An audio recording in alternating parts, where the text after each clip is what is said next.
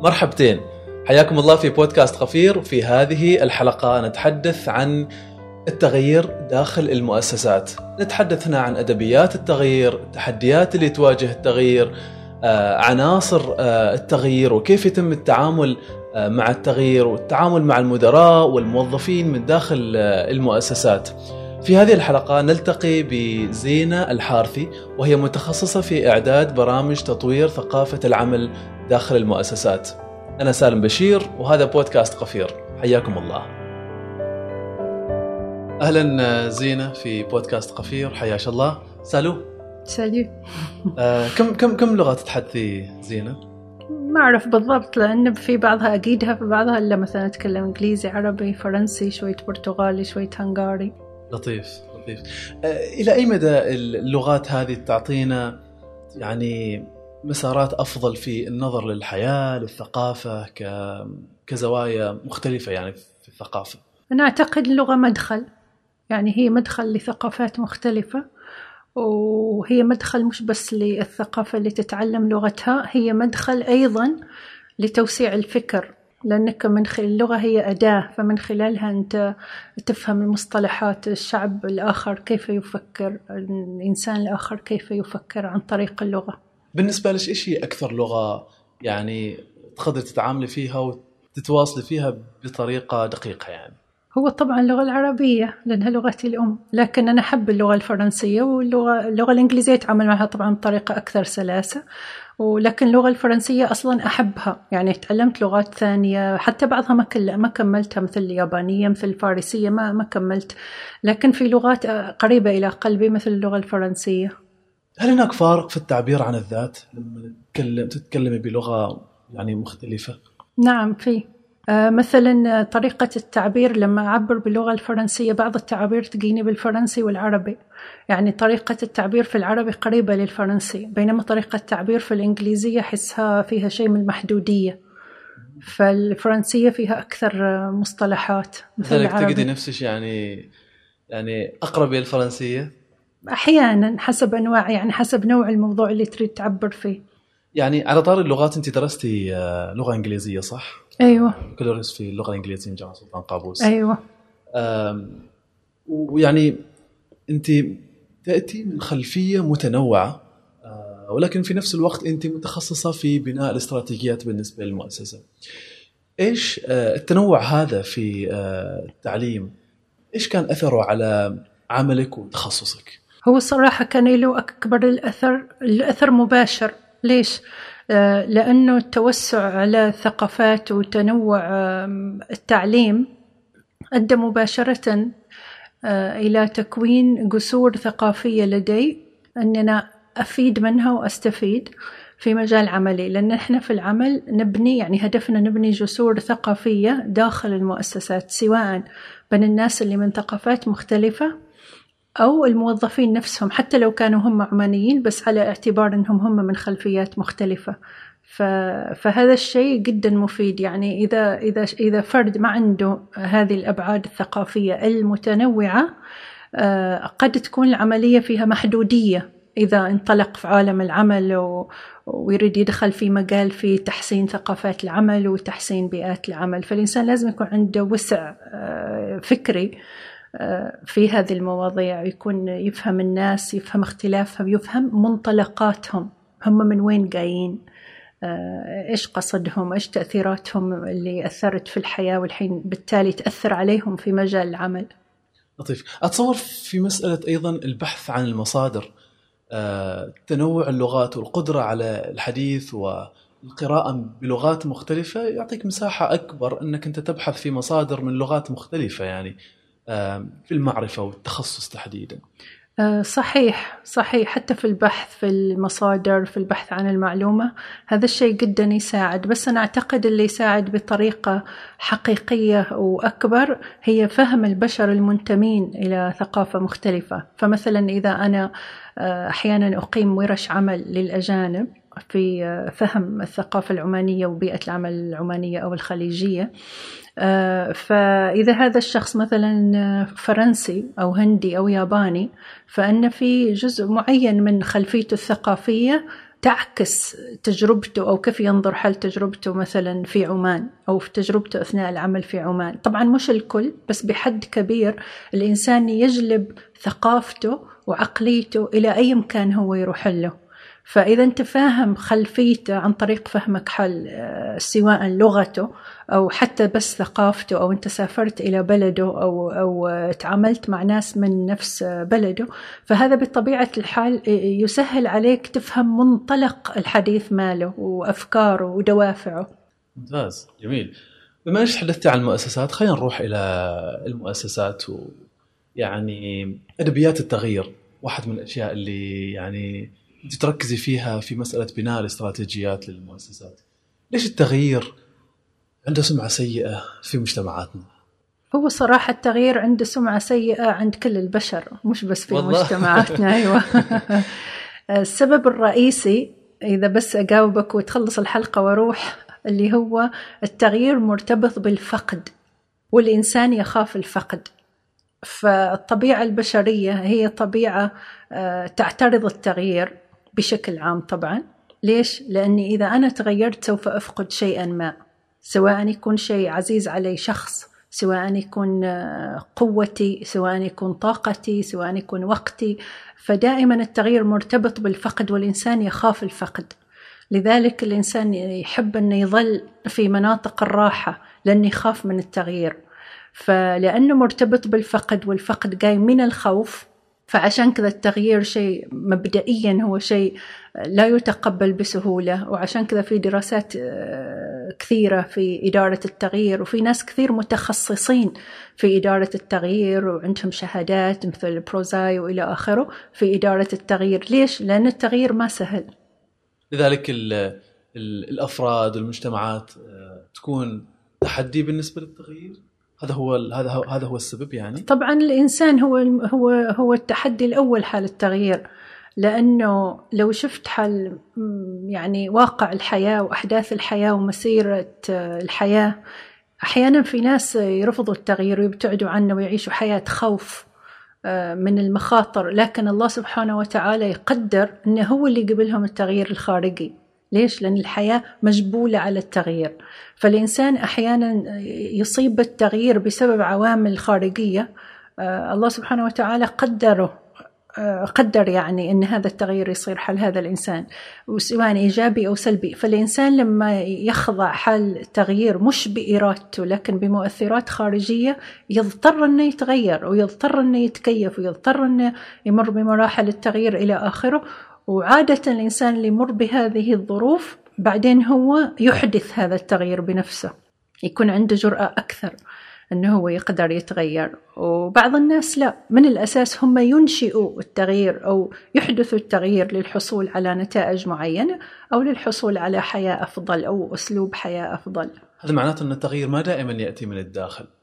أحيانا يأتي من الخارج يتكيف معه الإنسان يصير هذا التغيير التغيير هذا واقع. فعلا. ويدفع التغيير اللي من الداخل. طبعا التغيير اللي من الداخل هو في وجهة نظري له تأثير آه، أكثر استدامة. والتغيير اللي من الداخل آه، عادة يكون أصعب آه، لأن أصعب شيء الإنسان يواجه نفسه. أن أنا في عنصر معين في شخصيتي أو في حياتي أنا أحتاج أغيره أو في علاقاتي مع البشر. فإذا أنا أصل إلى مرحلة كبيرة من الوعي أني أتقبل أني أنا أتغير هذه ما سهلة لأن كل كل الناس يشوفوا كل الأخطاء إلا نفسهم. فهذه أصعب فكرة في التغيير يعني إذا أنا مدير وتقول لي غيري أسلوبك في الإدارة أنا أعتبر أسلوبي أحلى أسلوب. كيف يعني أتغير؟ صحيح. فهذه أصعب أصعب منطقة في التغيير اللي هو تغيير الإنسان لنفسه وبطريقة يحدثها وينشئها من نفسه مش ب... مش لأن الظروف الخارجية يعني أجبرته على التغيير. طيب إيش تقصدي بالاستدامة؟ لما تقولي أن التغيير من الداخل هو أكثر استدامة.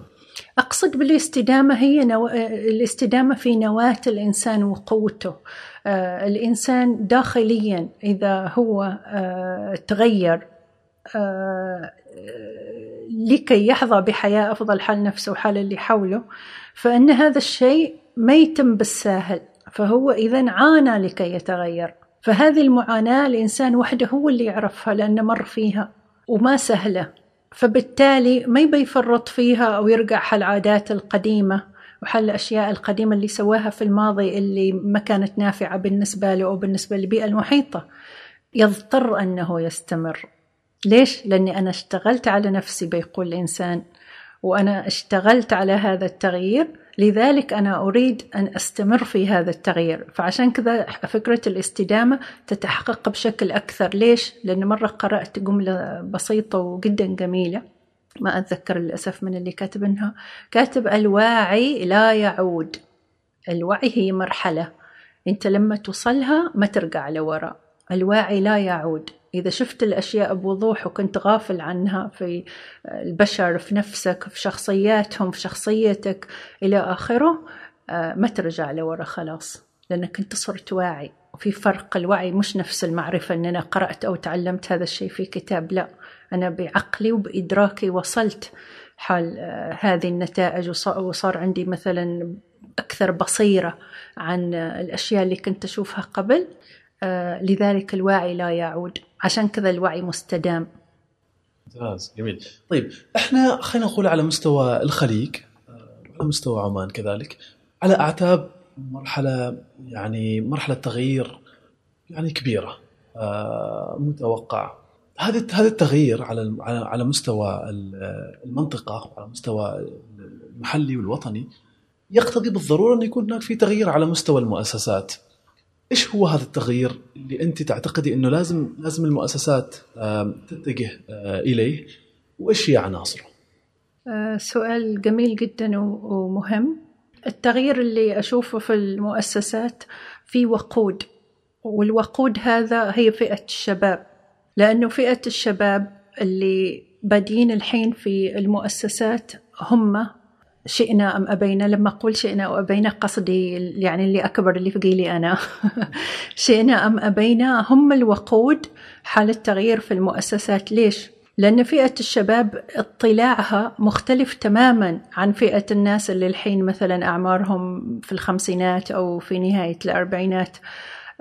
هم جايوا في عصر التكنولوجيا هم جايوا في عصر السفر آه، هم جايوا في عصر إن العالم آه، هو عبارة عن كتلة واحدة مش في عصر أنا عماني وهذا جنسيته مختلفة لا العالم أصبح متشابه. فهذا الجيل نشأ على أفكار إن العالم أكثر متشابه العالم متقدم الأشياء فيه ممكنة. لم تعد الأشياء غير ممكنة مثل السابق. الواحد يبقى في وظيفة واحدة ويخاف يتركها ويخاف يتنقل ويحافظ على وظيفته ودخل معين. لا أصبح في حرية في الفكر أصبح في شجاعة أيضا من قبل الأجيال الجديدة في نظرتهم للحياة وللعالم فبشكل عام التغيير أنا أعتقد أنه يبدأ من الشباب. واحتضان الشباب في أي مؤسسة في هذه المرحلة مهم جدا لأنهم على المدى البعيد هم اللي بيكونوا آه، القادة في هذه المؤسسة كيف يكون احتضان الشباب بالنسبة لك على المستوى المؤسسي؟ يكون في حوار صادق بين آه، الفئات المختلفة سواء اللي آه، مختلفة عمريا أو مختلفة فكريا أو أو مختلفة من ناحية التخصص. آه، والحوار الصادق مهم جدا. آه، لأنه آه، الحوار الصادق هو الحوار غير الشكلي. يعني ما اللي يكون مثلا أنا مدير وعندي عشرين شاب وشابة وأناديهم اجتماع هذا يحصل كثير يعني. وأناديهم اجتماع وأقول لهم يلا أنتم شباب وأفكاركم حلوة خبروني آرائكم. فهم كل واحد بيقول رأيه يمكن أنا أخلي حد يسجلها وأقفل الملف وبس. بقول شيء لم يكن. أيوه كنا يعني شو اسمه ترى تحصيل حاصل يعني مثل ما نقول بالعماني. إننا ترى خلاص شاورتكم. بس في الحقيقة أنا ما شاورتكم ما أخذت برأيكم. طبعا هذا لا يعني أنه, إنه مهم أنه القائد لازم يسمع حال الشباب وكل اللي يقولوه. ما شرط قائد عنده فئة أكبر عندهم خبرة أكثر يسمعهم. أنا ما قصدي فقط يسمع الشباب لكن قصدي أنه خلق الحوار مع الشباب يكون غير شكلي ويكون في إدماج حقيقي آه، حالهم في آه، مرحلة آه، مرحلة التغيير. وقد أكون أنا بسرعة دخلت يعني في موضوع الشباب لكن في الحقيقة الموضوع الأساسي في التغيير هو الموضوع اللي تطرقنا له في بداية هذه المحادثة. هو؟ هو تغيير النفس لأن تغيير النفس يكون تغيير آه، نمط التفكير اتجاه الأشياء. أولا اللي هو ذا الشيء اللي في طريقة لخلق الوعي ومن ثم تغيير السلوكيات. لأن الإنسان ما بيغير سلوكياته إلا إذا تكون عنده وعي. وأحيانا الناس يقولوا لك يا أخي أنا واعي وفاهم كل شيء وفاهم اللي يصير حولي وفي نفسي وما أعرف إيش لكن الناس بعدهم يضايقوني وفي الدوام ما أعرف إيش يصير معاي وكذا. جميل. لكن الوعي نفسه آه، اللي هو فهم الأشياء ورؤيتها بشكل واضح وطريقة تفكير لا يكفي. لأنه لا يوجد سلوك منعكس عن الوعي. الوعي لما ما يكون في سلوك منعكس منه يكون ثقيل.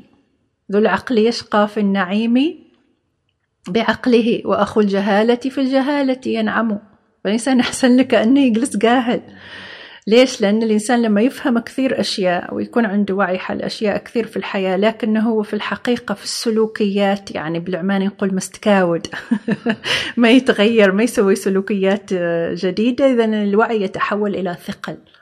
يثقل على الإنسان. ليش؟ لأنه هو واعي وفاهم فبعدين إيش اللي يصير؟ المرحلة اللي بعدها في بعض الأحيان قصدي ولا أعمم أنه أحيانا هذا الإنسان يصير سلبي. فيبدأ يتنقد على الناس وعلى الأشياء وكل الأشياء اللي تصير غلطة شخص ثاني. ليش؟ لأنه هو ذكي وفاهم وواعي وعنده حق. لكنه هو ما قدر يسوي سلوكيات جديدة يقدر يتأقلم. معاها مع آه، وعيه الجديد.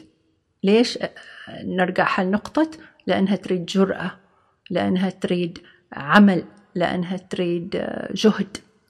فبعض الناس يحبوا يجلسوا يعني في مناطق الراحة وترى سهل. أنا بقرأ خمسة كتب وبيزيد وعي وبكلم خمسة أشخاص ملهمين وبيزيد وعي وهذا الشيء جدا منتشر. وبيزيد وعي وأنا خلاص فهمت فلما أحيانا يصير معنا ورش يجيوني هذا النوع مثلا من الناس ويقولوا لي أنا أعرف وأنا فاهم وأنا كذا سويت وأنا كذا قرأت كتب وأنا ما عرفني إيش وأنا أشوف ما شاء الله عليهم أذكياء واعيين شاطرين. لكن ما عندك الوعي آه، أنك تطبق سلوكيات مختلفة تفيدك في حياتك. فلما يصير يعني سلوك معين في العمل يظهر هل الإنسان فعلا هو مستفيد من الوعي اللي وصل له في الحياة وينعكس هذا الشيء على سلوكياته ولا هو بس كلام قرأ في خمسة كتب وسمع من خمسة أشخاص ملهمين. مواقف مثل إيش؟ أه بضرب لك مثال حقيقي جدا. أه في مديرة في قطاع معين تعمل هذه المديرة عندها فريق. أه هذه المديرة تحضر معي مثلا ورشة عمل وتتحدث عن أفكار رائعة عن الإدارة. إدارة الفريق والاستماع للفريق و... والأشياء اللي هي عرفتها في الحياة والوعي.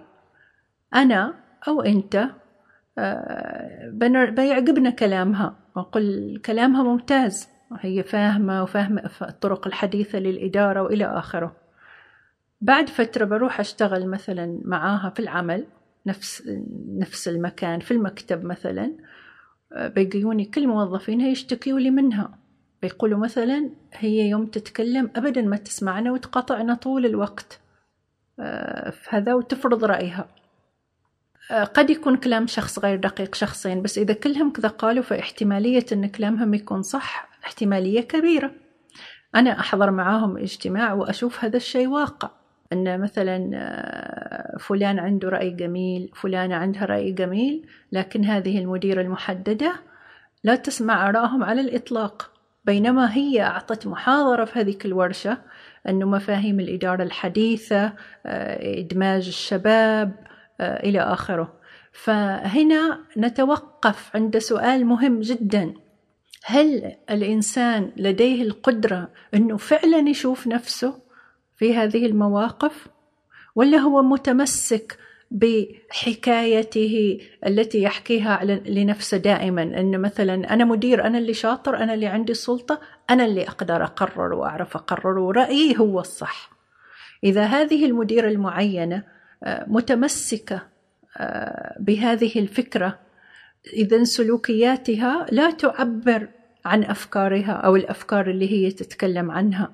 فالتغيير الحقيقي لا يقف على الكلام أنت تقدر تتكلم عن أي نظريات الحين. أنا نفسي أقدر أتكلم عن أي نظريات الحين. لكن حين يأتي الواقع وأنا غير قادرة على أني أغير من سلوكياتي لكي تتفق مع وعيي أو مع وعيي الجديد فإن التغيير لا يحدث أصلا. وبالتالي هم مثلا البنات والشباب اللي يشتغلون مع هذه المديرة ما بيقدروا يتغيروا أيضا لأن في حاجز ممكن يتغيروا في حياتهم وفي وعيهم بس أنا أقصد في نطاقات معينة وفي سياقات العمل سيكون صعب عليهم التغيير لأن عندهم آه، عندهم عقبة. فهذه العقبة ما سهل يتجاوزوها. ليش؟ لأن هذه المديرة يوم تروح الرئيس التنفيذي للمؤسسة مثلا تقول له نفس الكلام اللي قالته في الورشة.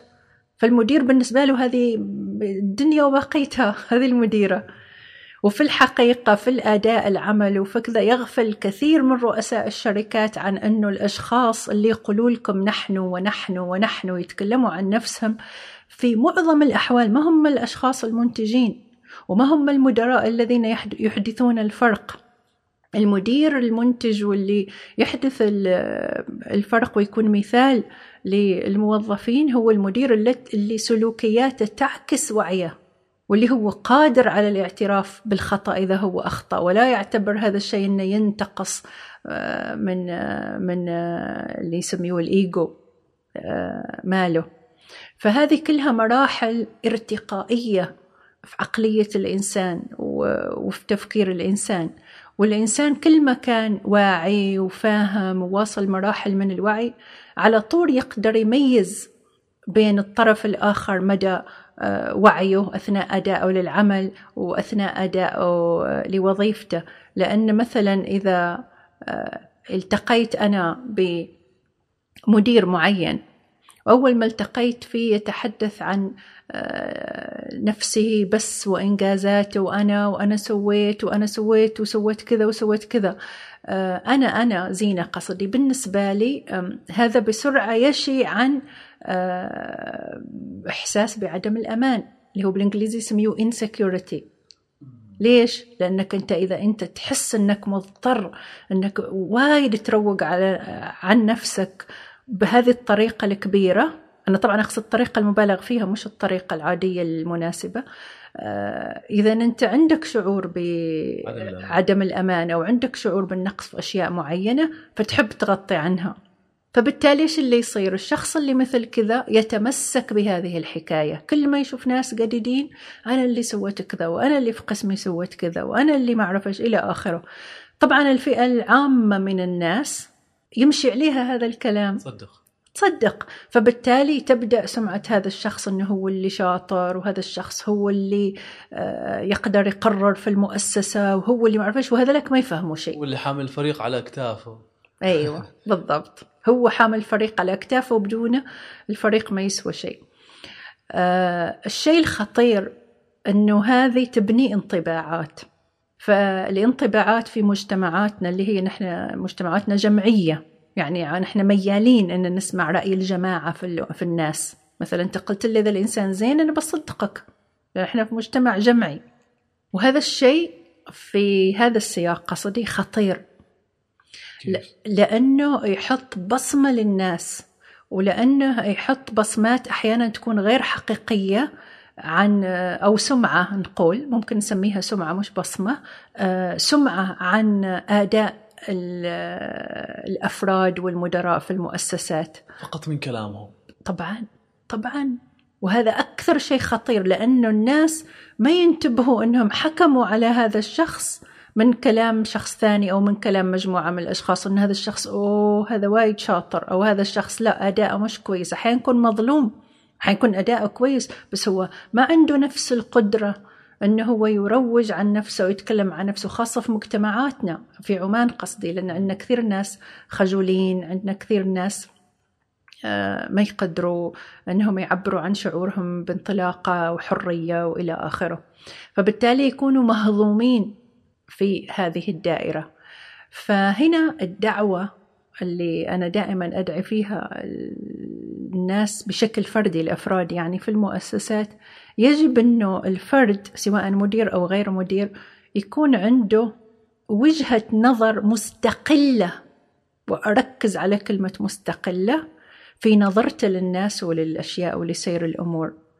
وكل ما الإنسان زاد وعيه وزادت بصيرته في رؤية حقيقة الأشياء وماهية الأشياء لا ينخدع بالكلام اللي معظم الموظفين يقولوا عنه عن هذا الشخص أو آه، عن هذا المدير أو عن هذه المديرة إلى آخره. وهذه نقطة مهمة يبدأ منها آه، صنع التغيير. فالقائد دور القائد هنا سواء كان على رأس المؤسسة أو كان مدير قسم أنه هو يفهم فريقه بالحقيقي ما يفهمهم بس على ضوء الناس الثانيين إيش قالوا عنهم أو المدير اللي آه، راح العام الماضي إيش قال عنهم لا. هو يفهمهم بالحقيقي دوافعهم يفهم قدراتهم يفهم اختلافهم آه، يحترم اختلافهم آه، يستمع إليهم. وهذه كلها طرق حديثة يعني في الإدارة. الدول المتقدمه كثير بدأت تتبناها لدرجة إنها ترسل مثلا آه، المدراء دائما عشان ياخذوا آه، كورسات في ال coaching حتى إذا هو ما coach ليش؟ لأنه لازم يفهم أسلوب ال coaching أو التدريب الفردي أو التدريب الذاتي أساس يعامل موظفينه بهذه الطريقة. فهذه كلها أساليب يعني حديثة في الإدارة تركز على الفرد نفسه وتركز على الارتقاء بوعي الفرد وتركز على فهمه وإلى آخره. طبعا هذا لا يعني إن في موظفين غير منتجين وإلى آخره موجود هذا الكلام. بس أعتقد إنه مهم عدم التبعية في اتخاذ القرارات بشأن الناس. طيب زين خلينا نرجع شوية لوراء وحديثنا عن مسألة الكوتشنج أو يعني ما أعرف إيش ترجمته بالضبط أو الموجه يمكن هو الترجمة الأدق. بالنسبة للمدراء لما تحدثت عنها كواحدة من ممارسات المؤسسات في في الغرب كيف كيف كيف تتم عادة هذه؟ وليش أساسا؟ هو أول شيء نوضح مفهوم ال coaching أو مثل ما أنت سميته اللي هو الموجه الذاتي. آه ال coaching هو عبارة عن علاقة بين ال coach وبين الفرد. آه هدفها الفرد إنه يحقق أهدافه أو آه يتخلص من عقبات في حياته أو أن تطلع مواهبه أو تطلع آه، إمكاناته. آه، وظيفة الكوتش أنه فقط مسهل يساعده في هذه الرحلة أنه هو يحقق الأشياء اللي هو يريدها مش اللي يريدها الكوتش. يعني اللي يحدد هذه العلاقة هو الفرد مش الكوتش. مش الكوتش اللي يقول سوي كذا وحقق كذا لا. الإنسان يجي بس ال coach يساعده. أنه يحقق الاستقلالية مع نفسه يمسك حياته آه، بنفسه وينطلق. هذه فكرة ال coaching طبعا بشكل عام. أما بالنسبة لأسلوب ال coaching فهذه أشياء تتعلم في كورسات ال coaching وأسلوب ال coaching قائم طبعا بالطريقة الغربية هذه لأن ال coaching أصلا جاي من الغرب على فكرة طرح الأسئلة المفتوحة والذكية والتي تدعو الفرد للتفكير بطريقة مختلفة. ليش؟ عشان هو يساعد نفسه بعدين. آه، وعلى أساس هو يتخلص بعدين من الكوتش ما يكون معتمد في الكوتش في اتخاذ قراراته لا. بعد كم من جلسة المفروض إنه ما يكون معتمد على الكوتش ويكون الكوتش خلاص أطلق له سبيله يعني. وهو يكون قادر وبمساعدة من الكوتش إنه يقدر يغير حياته يتخذ قرارات أفضل في حياته إلى آخره. آه، وطبعا آه، ال coach مش أخصائي نفسي. في أحيانا بعض الناس يلخبطوا. آه، ال coach وظيفته مسهلة فقط. إذا الإنسان يحتاج أخصائي نفسي يروح مع أخصائي نفسي أو طبيب نفسي. آه، أما بالنسبة لهذه التجربة اللي أنا شفتها لما كنت أدرس coaching أن في بعض المؤسسات الغربية في هولندا وبلجيكا وإلى آخره وحتى بريطانيا يرسلوا معظم مدراءهم عشان ياخذوا course في ال coaching ليش؟ على أساس أنه المدير يكون يتعلم تقنيات ال coaching ويقدر يطرح على الموظف أسئلة هدفها التحفيز هدفها الدفع للإنتاجية آه، وأيضا أنه يجلس جلسة فردية مع الموظف هو وياه يعني. ما يكون بس كل شيء في جماعة من فترة لفترة مهم أن المدير يجلس جلسة فردية آه، هدفها أنه يسوي coaching حل الموظف اللي عنده. آه، فهذه هي الفكرة. هل تعتقد إنها مناسبة هنا يعني في في منطقتنا ومجتمعنا؟ آه شوف هي مناسبة إذا كان الكوتش شاطر. يعني هذه فقط تناسب في مجتمعنا. إذا كان الكوتش فعلا عنده المقدرة أن يطرح أسئلة ذكية ومفتوحة ودافعة للفرد أنه يفكر آه، بطريقة مختلفة أو يغير آه، بعض الأشياء في حياته. لكن هذه تراها ما سهلة. يعني هي في ظاهرها سهلة أنه الكوتش عادي بس يجيب يسأل أسئلة لكنها ما سهلة لأن السؤال آه، يأثر في الفرد اللي جالس تسوي له كوتشنج شطارة يمكن في اختيار السؤال يعني أيوة. في طرح السؤال. بالضبط. الشطارة في طرح السؤال في مكونات السؤال في أنه يكون مفتوح ما يكون سؤال يحد الإنسان ويكون جوابه نعم ولا لا. يعني مثلا إذا قلت له آه، وإنت ارتحت في هذا الوضع؟ ويقول لي لا ما ارتحت. إذا أنا سألت سؤال آه، محدود لأني حديته بنعم أو لا. لكن إذا قلت له إيش كان شعورك؟ في ذاك الوضع أوصف لي شعورك. هو ممكن يجاوب بطريقة مفتوحة وهكذا. الشق الثاني بالإجابة على هذا السؤال أنا عندي وجهة نظر آه، فإن بعض أساليب الكوتشنج ما بالضرورة تنفع في مجتمعاتنا الجمعية أو في مجتمعاتنا التقليدية خصوصا نحن مجتمعات متعودة على آه، أن نحن جماعة عادي ننصح بعض. عادي أنا ننصحك وأنت تنصحني وأنا أنصح زميلتي وأنا أنصح أختي وأختي تنصحني وإلى آخره ونحن نتقبل هذه الأشياء في مجتمعاتنا اللا فردية لذلك لما يجي شخص من مجتمعنا تقليدي أحيانا اللي يريد من ال coach يريد ال coach ينصحه. لكن ال coach اللي درس بطريقة غربية قالوا له في دراسة ال coaching لا أنت ما وظيفتك تقدم آه، النصيحة المباشرة لأن قد نصيحتك ما تفيد الشخص أنت فقط اسأل أسئلة. وهذا كلام في حد ذاته صحيح يعني مبدئيا.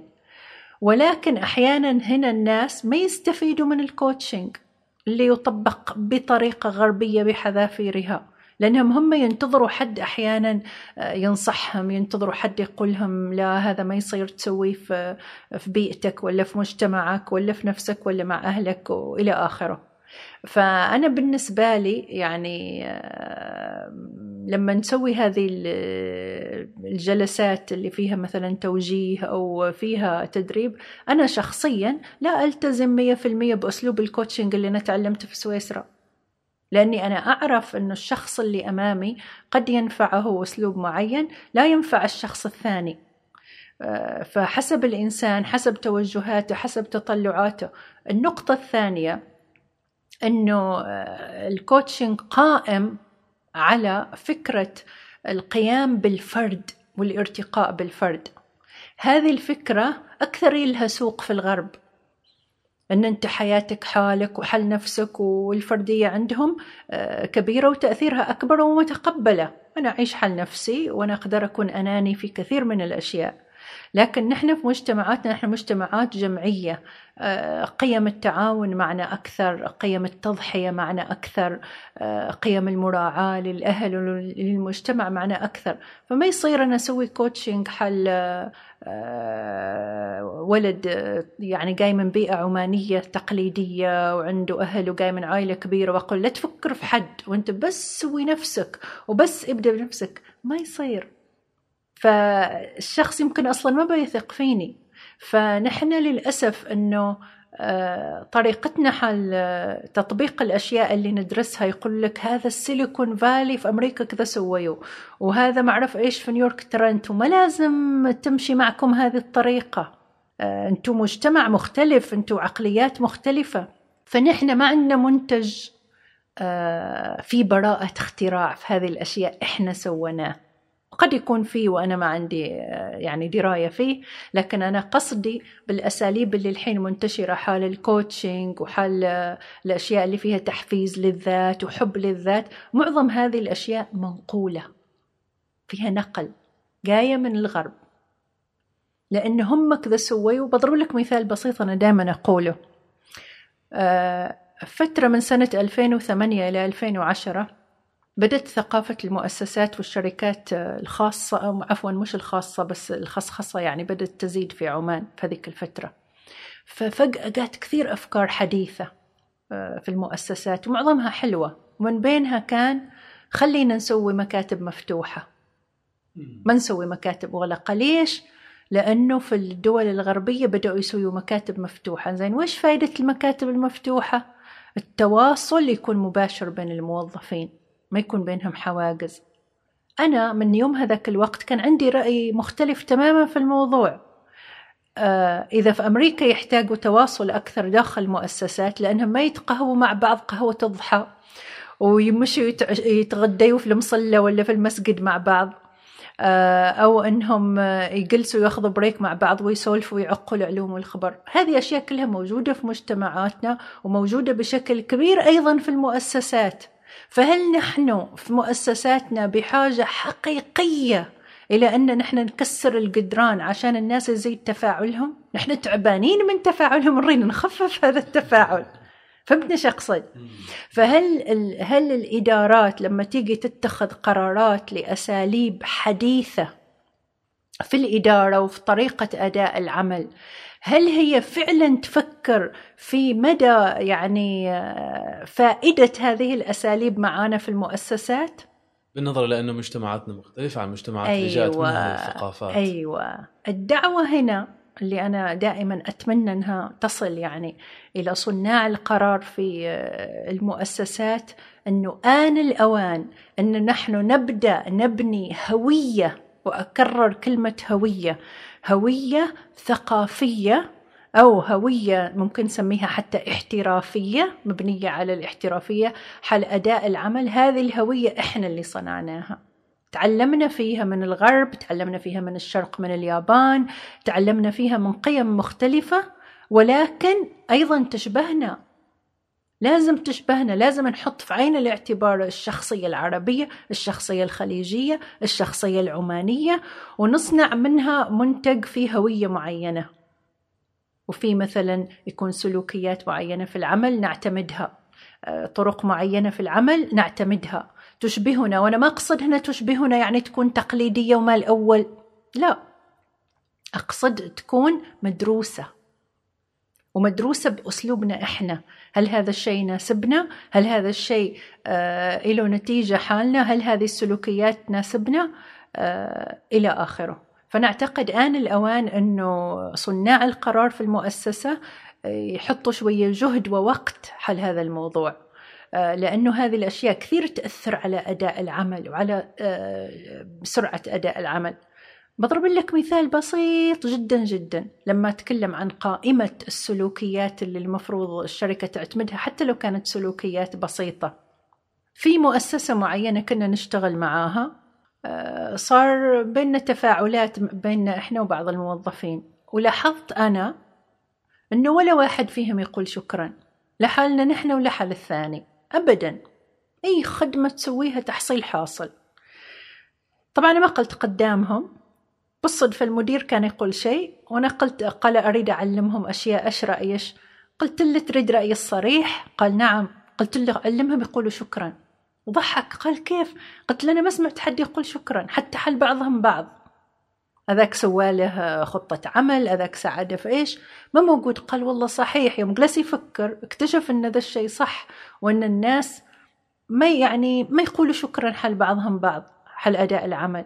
في أداء العمل. ليش؟ لأنهم يمكن يعتقدوا ترى هذا قاس يؤدي وظيفته. ونحن من باب أولى ما يقولوا لنا شكرا. لأن إحنا هم في نظرهم خارج المؤسسة أيوه أنتم أصلا يعني. من خارج المؤسسة وجايين ترى بنعطيكم فلوس بعدكم نبت شكرا. فهمتني إيش أقصد؟ آه، فقصدي مثل هذه السلوكيات لما صناع القرار تبدأ تهتم فيها أنها شكرا آه، أيضا تعكس مجتمعنا العماني. نحن مجتمع ممتن. نحن مجتمع نشكر بعض ونحن مجتمع نراعي بعض إلى آخره. ليش غابت هذه الكلمة الحلوة في قطاع العمل؟ آه، نقطة ثانية ومهمة جدا ومن ضمن السلوكيات اللي نعتقد لازم النظر إليها في المؤسسات هي احترام الوقت. لأنه اللي يحصل في آه، كثير من المؤسسات أنه موضوع آه، يريدوا ينفذوه يسويوا عليه خمس اجتماعات. وينادوا نفس الأشخاص ويضعوا لهم وقتهم. فكرة احترام الوقت على الآخر غير موجودة. في ناس مثلا يسويوا اجتماعات وينادوا عدة أطراف وفجأة يكنسلوا الاجتماعات بدون ما يخبروا الأطراف. يجيوا أطراف ويحضروا وينهم؟ آه أنت ما حد خبرك؟ أو أنت ما حد قال لك؟ أو مشي اجتماع. ليش؟ لأن ذا الشخص يعتقد أن هذا السلوك عادي. وفكرة أن أي سلوك يصبح نمط اعتيادي هذا خطر. لأنه ما في احترام حال وقتي وفي احترام حال وقت الآخرين. ويجب أنه المؤسسات تنظر على هذه الأشياء بشكل جدي لأنها تأثر على الإنتاجية في العمل. إذا إذا صانع القرار يريد يحصل إنتاجية آه، في العمل إذا لازم يزرع قيمة الوقت لدى الموظفين. أنه أنا ما لازم أجلس ثلاث ساعات اجتماع أضيع وقتي. بإمكاني أتخذ قرار أو أصل إلى آه، قرار مع زملائي في ساعة واحدة مثلا. أو أني أنا أقول حل الناس بوصل عشرة أوصل عشرة. صحيح. أو أن أنا أقول أني حل الناس بوصل خمسة. ما أوصل سبعة وعادي لأنه غير عادي. بس فهذه الممارسات اللي هي شوية غير احترافية ممكن نسميها في أماكن العمل آه وايد تؤثر ترى على الإنتاجية. بس إذا إذا إذا صناع القرار آه، بالإنجليزي يقولوا they overlook it يعني آه، ما يهتموا فيها ما يعتبروها أساسية فإن الأشياء الثانية الكبيرة صعب تتصلح. لأن الأسس الصغيرة مفاهيم شكرا مفاهيم التقدير مفاهيم التواصل مفاهيم إذا تغيرت عندنا بعض الظروف في هذا المشروع لازم أخبر كل الأطراف. ما أتوهم أنهم بيعرفوا. وأقول اليوم الثاني يقول آه ما عندكم خبر؟ أنا على بالي أنتم عندكم خبر.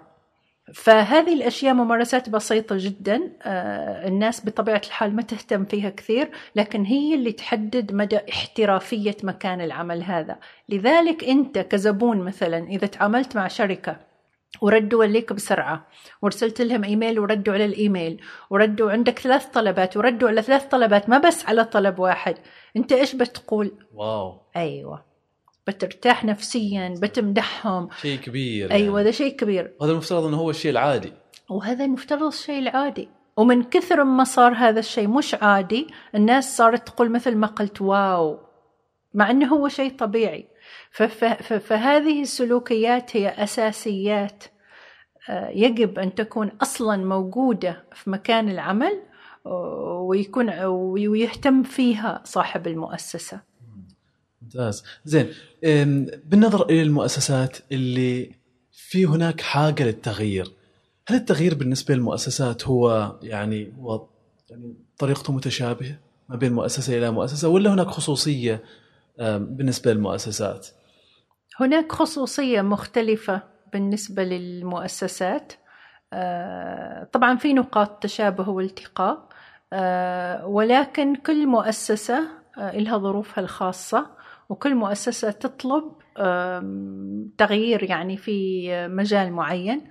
طبعا الهدف دائما واحد هو تحسين الإنتاجية آه، تعزيز التفاعل الداخلي الوصول إلى أداء محترف من قبل الموظفين آه، إلى آخره. بس هم السبب ليش يناديوا مؤسسة مثلنا نحن تساعدهم في إدارة آه، هذا التغيير؟ لأنهم عادة يكونوا واجهوا مشاكل أو أحيانا ما يكونوا واجهوا مشاكل أحيانا يكونوا عندهم خدمات جديدة أو عندهم قيم جديدة أو آه، عندهم آه، مثلا في صار إدماج مثلا بين مؤسسة ومؤسسة ثانية. هذا يحصل مؤخرا خاصة في عمان كثير أنه في مؤسسات مندمجة هذاك المكان مع هذاك المكان هذاك جايب عقليته وهذاك جايب عقليته. فكل حد عنده توجه مختلف. فأحيانا المدير يتعب يعني إيش هو توجه المؤسسة؟ هل أنا أمشي على ذيك الشركة ولا على هذيك الشركة؟ إيش المنهجية اللي أقدر أخلي هذيل الناس يشتغلوا مع بعض بطريقة متناسقة ومتجانسة؟ فبالتالي يطلبوا أكثر آه، اللي هو طريق اللي هي طريقة للعمل تكون فعالة تضم الطرفين. عادة إيش تكون مخرجات هذه يعني هذا هذا النوع من التعاقد؟ المخرج النهائي اللي يبدأ بعد ما نحن نخلص. بعد ما نحن نطلع. هي برامج آه، يعني يطبقوها الموظفين في مؤسساتهم داخلية طبعا وهدفها تحسين ثقافة العمل آه، بقيادتهم هم مش بقيادتنا إحنا ويكون فيها سفراء. فهذه البرامج من شأنها أنها اللي إحنا أثرنا فيه فيهم في هذه المشاريع أن هذه البرامج تستمر يعني فترة أطول. بضرب لك آه، مثال حقيقي. اشتغلنا مع أحد البنوك الكبرى في سلطنة عمان آه، في برنامج اسمه روابط. ففي هذا البرنامج كانوا عدة فرق سفراء يعني. وكان في فريق ما شاء الله عليهم كل الفرق كانت نشيطة وكان في فريق أتذكره جابوا فكرة اللي هي التوجيه. إنه كل شخص آه، في هذا البنك آه، له الحق أن يكون عنده موجه. حد يتعلم منه حد يرشده اللي هو بالإنجليزي يسميه منتور اليوم من داخل المؤسسة ولا من خارج المؤسسة؟ من داخل المؤسسة. هي مؤسسة كبيرة. ففي كثير ناس معهم ما شاء الله عندهم خبرات. كثير خبرات وفي ناس معهم متنوعين. يعني يمكن آه، البنك له فرع مثلا في فرع في صحم في فرع في نزوة في فرع في صلالة إلى آخره. فالموظف آه، اللي مثلا من صلالة يمكن آه، يريد عنده موجه مدير قسم المالية اللي في الفرع الرئيسي في مسقط فكيف يتوصل له؟ فهم جابوا آلية من خلال البرنامج أنه فيها توجيه يعني أن الموظف يختار موجه حاله يلاقيه بطريقة دورية وإنهم على أساس أنه بعدين آه، يسويوا تطبيق آه، حال أنه أنا أختار من الموجه مالي والموجه بالتالي يختارني ولا ما يختارني. يمكن تجي خمسة طلبات يمكن يوافق على طلبين لأنه مشغول ما يقدر يجلس معهم أكثر من مرة كل شهرين مثلا. إلى آخره. فهذه ليش فيها تبادل الخبرات؟ فالأثر اللي يفترض أنه يبقى آه، من هذه المشاريع هي هذه البرامج اللي تطبق بعدين. آه، وهم يختاروها على فكرة. إحنا يعني نساعدهم نسهل لهم إياها بس هم يختاروها بناء على دراسة احتياج جاية من من عندهم. نحن بس نحاول نساعدهم لين يوصلوا مرحلة إنه أوكي المشروع جاهز للتطبيق. وإنهم هم يبديوا في التغيير فيه. ويطلعوا. هذه البرامج. أما بالنسبة لمخرج آخر هو القصص. نحن يعني نحب أسلوب القصص في التواصل الداخلي. آه، لاحظنا أنه القصص غائبة عن المؤسسات. وفي بعض المؤسسات ما يعرفوا كثير عن بعضهم بعض إلا في نطاق العمل. وأحيانا لما يجوا يعرفوا عن بعضهم بعض يا أما يكتبوا مثلا نشرة داخلية آه، ولا وسائل تواصل داخلية عن طريق الإيميل أو أشياء كذا سريعة. آه، لكن نحن في بعض المؤسسات نقترح لهم يستخدموا أسلوب القصص يقصوا حكايات بعضهم بعض أو كل واحد يحكي حكايته حتى ما لازم تكون آه، لها دخل بالشغل. يعني حكاية الحقيقية في الحياة شيء هو ملهم صار فيه أو صعوبة. هو مر فيها أو هي مرت فيها. فهذه الأشياء تأثر أكثر وهذه الأشياء تحقق أكثر تقارب بين الموظفين خصوصا إذا كانوا جايين من جهات مختلفة ويحتاجوا أنهم يعرفوا عن بعضهم بعض. فمثل هذه الأشياء نشجع عليها لكن أيضا في العادة ما نقوم فيها بنفسنا. في العادة يكون في فريق يتشكل من عندهم عشان هم اللي يقوموا بالقصص وأحيانا نساعدهم حسب حسب الوضع يعني. طيب طيب. خليني أرجع لمشروع روابط لأني اريد أدخل فيه أكثر إذا سمحتي لي. واحد من أهداف هذا المشروع هو إدماج قيم البنك في السلوك اليومي. إيش نقصد بهذا بهذا الهدف؟ طبعا المدراء المؤسسات الحين إذا سمعونا بيجلسوا يضحكوا لانهم هم جدا. فاهمين إيش نقصد. ليش؟ لأن كثير مؤسسات عندها قيم. مثلا الاحترام قيمة. مثلا آه، حسن الضيافة قيمة. آه، مثلا آه، التقدير قيمة. فكثير مؤسسات تحط قيم. معظم بقولها بثقة معظم الموظفين يوم بتقول لهم إيش القيم في المؤسسة مالك؟ بيجلس يضحك. بيقول لك ولا حد يعرف القيم و... ولا حد يصير عليها. يقول لك احترام ما حد يحترم الثاني مثلا. هذا بشكل عام طبعا. قصدنا هي موجودة ولكنها ما ما, ما يعني موجودة ك... ك... كفقط أيوة. ككلمات. أيوه. موجودة ككلمات. إنها ما حقيقية. الحين إذا رجعنا حل برنامج روابط الشيء الجميل اللي صار إنه هم كانوا مصرين إنه هذه القيم تعاش بشكل حقيقي. قيمهم. ما أن ما تكون قيم بس على ورق. فمثلا من ضمن القيم اللي كانت آه، عندهم اللي هي الضيافة أو حسن, حسن الضيافة أو الكرم أو آه، هذا. فهم ركزوا أنه في ناس يحضروا هذه الورش مالت القيم من آه، الفروع لأن الناس اللي يشتغلوا في فروع البنك يتعاملوا مع العملاء والزبائن. فكانوا يتكلموا عن تفاصيل أنه كيف أنت تعيش هذه القيمة؟ طبعا الترجمة البسيطة حل هذا الموضوع أنا بجيب لهم قهوة وبجيب لهم شاهي وخلاص وأنا عشت هذه القيمة. لكن نحن لما جينا معاهم في هذا البرنامج اقتراحنا كان شوية مختلف. أن نحن توجهنا غير مباشر. يعني نحن نؤمن أن أساس المؤسسات بالحقيقة تعيش هذه القيم وتؤمن فيها. لازم هم يؤمنوا بالكلام اللي أنت تقوله عن هذه القيم. يعني ما تقول لا أنا أريد حسن الضيافة يعني جيب لهم قهوة لا. أنت لازم تخليه يحبك أنت كصانع قرار أو في المكتب الرئيسي. يثق فيك يرجع لك في قناعة عشان الموظف أنت تسمعه وهو يسمعك.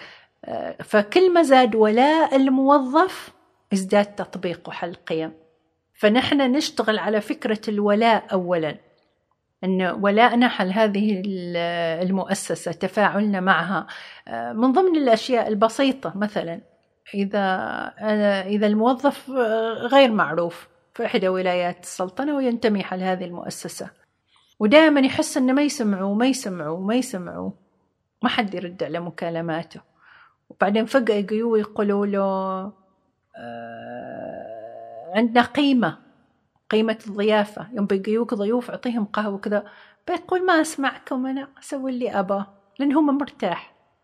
بينما لو هذا الموظف فجأة كتبنا قسطه نشرناها وحطينا صورته وتكلمنا عنه وشافوه كلهم في الفرع الرئيسي وشافوه في الفروع الثانية وفي الولايات الثانية الموظف بيبدأ يحس بقيمته. أخيرا حد قدرني أخيرا كتب عن حد عن إنجازي أخيرا تو عاد روحوا كلموه قولوا له إنه قيم. لأنه في أسس تنبني قبل عن آه، نروح فقط حل موظفين ونقول لهم لازم أنتوا كذا تسويوا. لازم أول شيء نبني الثقة بيننا وبينهم. لازم نعزز الولاء حالهم في الشركة. لازم يكون في درجة معينة من التقدير الفردي حال كل موظف. عشان هو يبدأ يحس إنه عنصر فاعل في هذه المؤسسة. جميل، واحد من الأهداف الأخرى أيضا كانت في نفس هذا المشروع هو خلق روابط بين الموظفين من مختلف مناطق السلطنة، نتكلم طبعا عن بيئات العمل الهجينة العمانيين وغير العمانيين حتى وإن كان العمانيين هناك بيئات يعني خلفيات مختلفة كيف يتم التعامل مع بيئات العمل الهجينة؟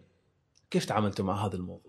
ومع هذا الهدف تحديدا؟ آه نحن في الحقيقة بسبب آه قصر آه هذا المشروع مدته كانت فقط عدة أشهر ومعظم المشاريع اللي تكون قصيرة صعب نحقق فيها هذا الموضوع بتعمق آه لكن الطريقة آه، البسيطة اللي بدأنا فيها في حل هذا الموضوع أنه في ناس ومدراء من الفروع الرئيسية في مسقط آه، كانوا حرفيا يسافروا معنا إلى المناطق على أساس يكلموا الناس اللي في المناطق عن القيم ويشاركونا في البرامج. فكنا نعزمهم حتى في الورش أنهم يتكلموا عشان يكون بينهم تفاعل. ونخلي الناس من المناطق نفسهم إن هم يتكلموا. أحيانا حتى في الأمثلة والأشياء الشعبية نحاول نجيبها من المنطقة. أن نحن نتكلم بلغتهم أن نحن نفهم لغتهم. آه، مثلا يمكننا في صلالة في ناس أعطونا بعض الكلمات قلناها بالقبالية. لما مثلا رحنا نزوة جبنا أمثلة عن سوق نزوة وعن آه، فالناس يوم يحسوا أن إحنا فاهمينهم وأن جايبين لهم ناس من آه، الفرع الرئيسي هذا يزيد الثقة عندهم. الشيء الثاني نخليهم يحكوا حكايات عن نفسهم عن بعضهم بعض حول بعضهم بعض وتكون حكاياتهم ظاهرة حتى في الفروع الثانية. طبعا أنا أعتبر هذه لسه مستويات بسيطة غير متعمقة. بس آه، إذا إذا هم يريدوا هذه المؤسسات إذا تريد تحقق تفاعل حقيقي آه، فإنه نحن دائما ننصح باللي يسميه بالإنجليزي كروس بوستينج اللي هم ناس من آه، المناطق يروحوا يشتغلوا مدة كبيرة مثلا ست شهور في منطقة محددة. أساس يكون في تبادل يعني تبادل ثقافي تبادل خبرات إلى آخره إيش أهمية هذا الشيء؟ اطلاع أهميته الاطلاع لأنه إذا هم اطلعوا على طبيعة مثلا الزبائن في المناطق المختلفة آه، اطلعوا على التنوع آه، يكتسبوا خبرة أكثر. فبالتالي إذا جات مؤسسة كبيرة عندها أفكار جديدة آه، يفترض أنه اعتراضهم للأفكار الجديدة يكون أقل. ليش؟ لأنه هم ما جالسين في مكانهم أو متقوقعين في مكانهم يشتغلوا لمدة مثلا عشرين سنة لا تحرك من ولايته ولا شاف أمثلة ثانية لا. وكذلك الحال بالنسبة حل يشتغل مثلا في فرع معين آه، في مسقط نفس الفكرة. فالفكرة هي الاطلاع. اللي هي إن إحنا دائما نشجع نشجع عليها. ممتاز. طيب سؤالي الاخير كثير نسمع عن المؤسسات الحكومية إنها بيئات ما فيها مهنية في العمل. هل يمكن من خلال استراتيجيات بناء هذا هذا الأمر بناء المهنية والدفع بهذا الشيء وتكريسه؟ قصدك استراتيجيات فقط يعني مكتوبة ولا؟ بشكل عام حتى حتى حتى تنفيذها يعني تطبيقها. أه شوف أول شيء بالنسبة حال تجربتي أنا الشخصية أه من الطريف أن أنا تعاملت مع جهتين حكوميتين في الفترة الأخيرة وكانوا ممتازين وكانوا جدا احترافيين وأكثر احترافيين من الكثير من المؤسسات في القطاع الخاص. هذا تجربتي الأخيرة أوكي؟ فهذا لازم التنويه يعني يعني حاله. آه، أما بالنسبة حال احترافية في العمل في كل عمان نحن معنا مشكلة في هذا الموضوع. ولازم إن نحن ما نتجاهلها. آه وليش هي مشكلة؟ مش فقط لأن لا توجد احترافية لأن أكيد في آه أماكن كثيرة فيها احترافية طبعا. لأنه الناس لا يعرفون أنها مشكلة. لأنه الموظف العادي في سلوكيات العادية مثل ما قلت لك الموظف اللي ما يرد أبدا على الإيميلات اللي يكنسل الاجتماع وما يخبر الآخرين أنه كنسلها اللي ما يقول شكرا هو يعتقد أنه عادي هذا الأسلوب. ما يدرك أنه هو يعني أه. آه غير احترافي غير مهني أيوة هذا. أيوة. ولذلك هي مشكلة. هي مش مشكلة لأنها منتشرة بقوة.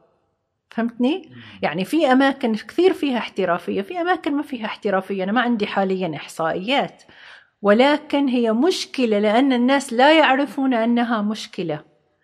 وهي في الحقيقة هي اللي تبطئ سير الأعمال، هي اللي تضيع وقت الناس. عشان كذا ناس يقولوا لك رحت هذا المكان وقالوا لي روح مكان ثاني روح مكان ثاني. ليش؟ لأن الموظف العادي أحيانا لا يشعر بقيمة الوقت عند الشخص اللي جاي يخلص مثلا مراجعة. وقتك غير مهم. عادي إنك تتمرمط وتيجي وتروح وترجع إلى آخره. ليش؟ لأنه هذه قيم.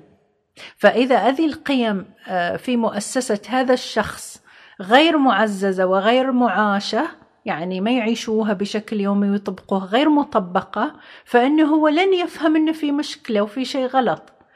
وبيوظف موظف جديد متخرج من يومين وبيشو وهذا فرحان وجاي من جامعة بريطانية ودارس أحسن التقنيات في التواصل. بيجي هنا وبيشوف زميله ما يرد على حد يقول يقول برايهم طنشهم ولا يقول لي خلاص براي عادي بنتأخر اليوم. فالموظف الجديد يكتسب هذه السلوكيات ويكتسب هذه العادات. إيش تأثيرها؟ من غير إنها لها تأثير على الأثر الفردي تأثيرها على الإنتاجية. الأمور تكون بطيئة. ما نحصل إنتاجية بسرعة؟ المشروع اللي نقدر نحققه في شهرين نجلس نحققه في ستة أشهر. فهذه الأشياء كلها اللي هي السلوكيات الاحترافية في مجال العمل طريقة الرد التفكير في التفاصيل حتى التفكير المفروض يتعلموه فمن ضمن الأشياء أمس كنت جالسة أكتب عن فكرة التفكير. يعني لأن أحيانا أكتب هذه الملاحظات فأمس بالذات كنت جالسة أكتب آه، عن فكرة آه، أهمية التفكير. وهذا الشيء هو مثال صار لنا إحنا يعني بشكل شخصي بس يمكن مهم حل الشباب والشابات مثلا إحنا مؤسسات نقدم خدمة. نحن طبعا إيش نسوي؟ ندور زبائن هذه وظيفتنا. يعني هذه المؤسسة بتاخذنا هذه ما بتاخذنا هذه وهكذا عملنا. أحيانا في مؤسسات ناس يتواصلوا معنا يقولون لنا أنتم إيش تقدموا؟ نحن نريدكم تسووا لنا كذا وكذا وكذا وكذا. فيعطونا طلبات نحن بالتالي نعطيهم عرض نقول لهم هذا عرضنا التقني وهذا عرضنا المالي بنسوي لكم هذه الخدمة في الوقت المحدد بالسعر المحدد وبالكيفية المحددة. هم لأن ما عندهم خبرة ما حد خبرهم هذه الأشياء وعلمهم. هم مو وايد بعضهم يعرفوا يتعاملوا مع مقدمي الخدمات. فهو يطلبك آه، مثلا بس ورشة واحدة ورخيصة. أنت كمؤسسة أصلا ما بتحقق منها ربح. إذا هي واحدة ورخيصة وأنت تريد تسويها وبس. هو بيجلس يناقشك فيها ست شهور. يتصل ويرسل إيميلات. وعلشان إيش؟ عشان هو بيدفع لك بستين أو قيمة بسيطة. لازم يعني الموظفين يتعلموا هذه الأشياء التعامل مع مقدمي الخدمة والثانيين. إحنا كمقدمي خدمة ما مستفيدين من الوقت اللي أنت تريد تضيعه معنا. إنك تناقشنا في مثلا آه، في هذا الموضوع وإنك تعيد وإنك تزيد. نحن بنروح مع المؤسسة الثانية اللي بتعطينا مشاريع آه، فيها دخل أكثر حالنا وفيها ثقة أكثر في منتجنا. فهذا أيضا يعني تفكير لازم يكون موجود. ليش؟ لأنه التفكير السائد يعني لدى كثير من آه، الموظفين في المؤسسات إنه اللي يقدم الخدمة هو اللي محتاج. فبالتالي بيسوي لنا أي شيء نحن نطلبه. يعني هو يريد يعطيك بس 100 ريال ويريدك تسوي كل الخدمات. طبعا هذه مبالغة بس أنا أقول لك كفكرة ويعتقد أنك أنت بتوافق. ليش؟ لأنك أنت مؤسسة صغيرة ولأنك آه، أنت محتاج. ما يعرف انه في ناس ثانيين في السوق يحترموا الخدمة أكثر اللي أنت تقدمها ويعطوك ثقة أكثر ويعطوك برنامج أكبر وبالتالي دخل أكبر وقيمة أكبر حل مشروع إلى آخره. هو يفكر نفسه متمنن عليك. وهذا على فكرة فكر ترى جدا جدا سائد. وإحنا صار لنا واحد قال لي بصريح العبارة غير في شيء إحنا منتج يعني عفوا خدمة إحنا مقدمينها حالة وغير في الكلام. وعلى أساس إحنا مسوينه. فقلت له عفوا نحن ما نريدك تقدمه باسمنا ما إحنا اللي سويناه. قال لي وإنت إيش عليش؟ ترى الفاتورة وبندفعها قلت له لا علي. إحنا نقدم قيمة إذا أنت ما تشوف أن ذي القيمة مفيدة حالك فإحنا لا نستحق أن يدفعوا لنا. فهذه الفكرة لازم يكون فيها شوية ارتقاء. لدى الموظفين لازم يفهموا أن اللي يقدم الخدمة ترى عنده خيارات. ما أنت بس اللي بت يعني آه، إنك أنت اللي بت بتدفع له. فهذه أشياء ما إلها دخل أحيانا بالسلوكيات. هذه طريقة تفكير سائدة. والموظف ما يعرف حقيقي ما يعرف. فوظيفة الموجهين وظيفة المدراء وظيفة القادة أن كل هذه التفاصيل اللي يسميوها stakeholder management اللي هي إدارة كل الأطراف ذات المصلحة يعلموها المفروض الموظفين اللي معاهم. المفروض يتعلموا هذه الأشياء. كيف تعامل الزبائن كيف تعامل المدراء حتى المدير كيف تتعامل معه إذا مشكلة كيف تتصرف كيف تتعامل مع مقدمي الخدمة آه إلى آخر كيف تكون راقي في هذا التعامل. شكرا جزيلا. عفوا. حياك. آه شكرا على وقتك شكرا على تلبية الدعوة. وما قصرتي أثريتينا أنت شكرا على الاستضافة. بارك الله فيكم. وأنتم مستمعينا ومتابعينا في كل مكان شكرا على طيب المتابعة. وأرجو أنه هذه الحلقة كانت آه، يعني تحمل قيمة وذات أثر بالنسبة لكم. لن نلتقيكم في حلقة أخرى من بودكاست قفير. لا تنسوا آه، الاشتراك في بودكاست قفير حتى تصلكم حلقاتنا الجديدة وأيضا التفاعل عبر شبكات التواصل الاجتماعي. إلى اللقاء.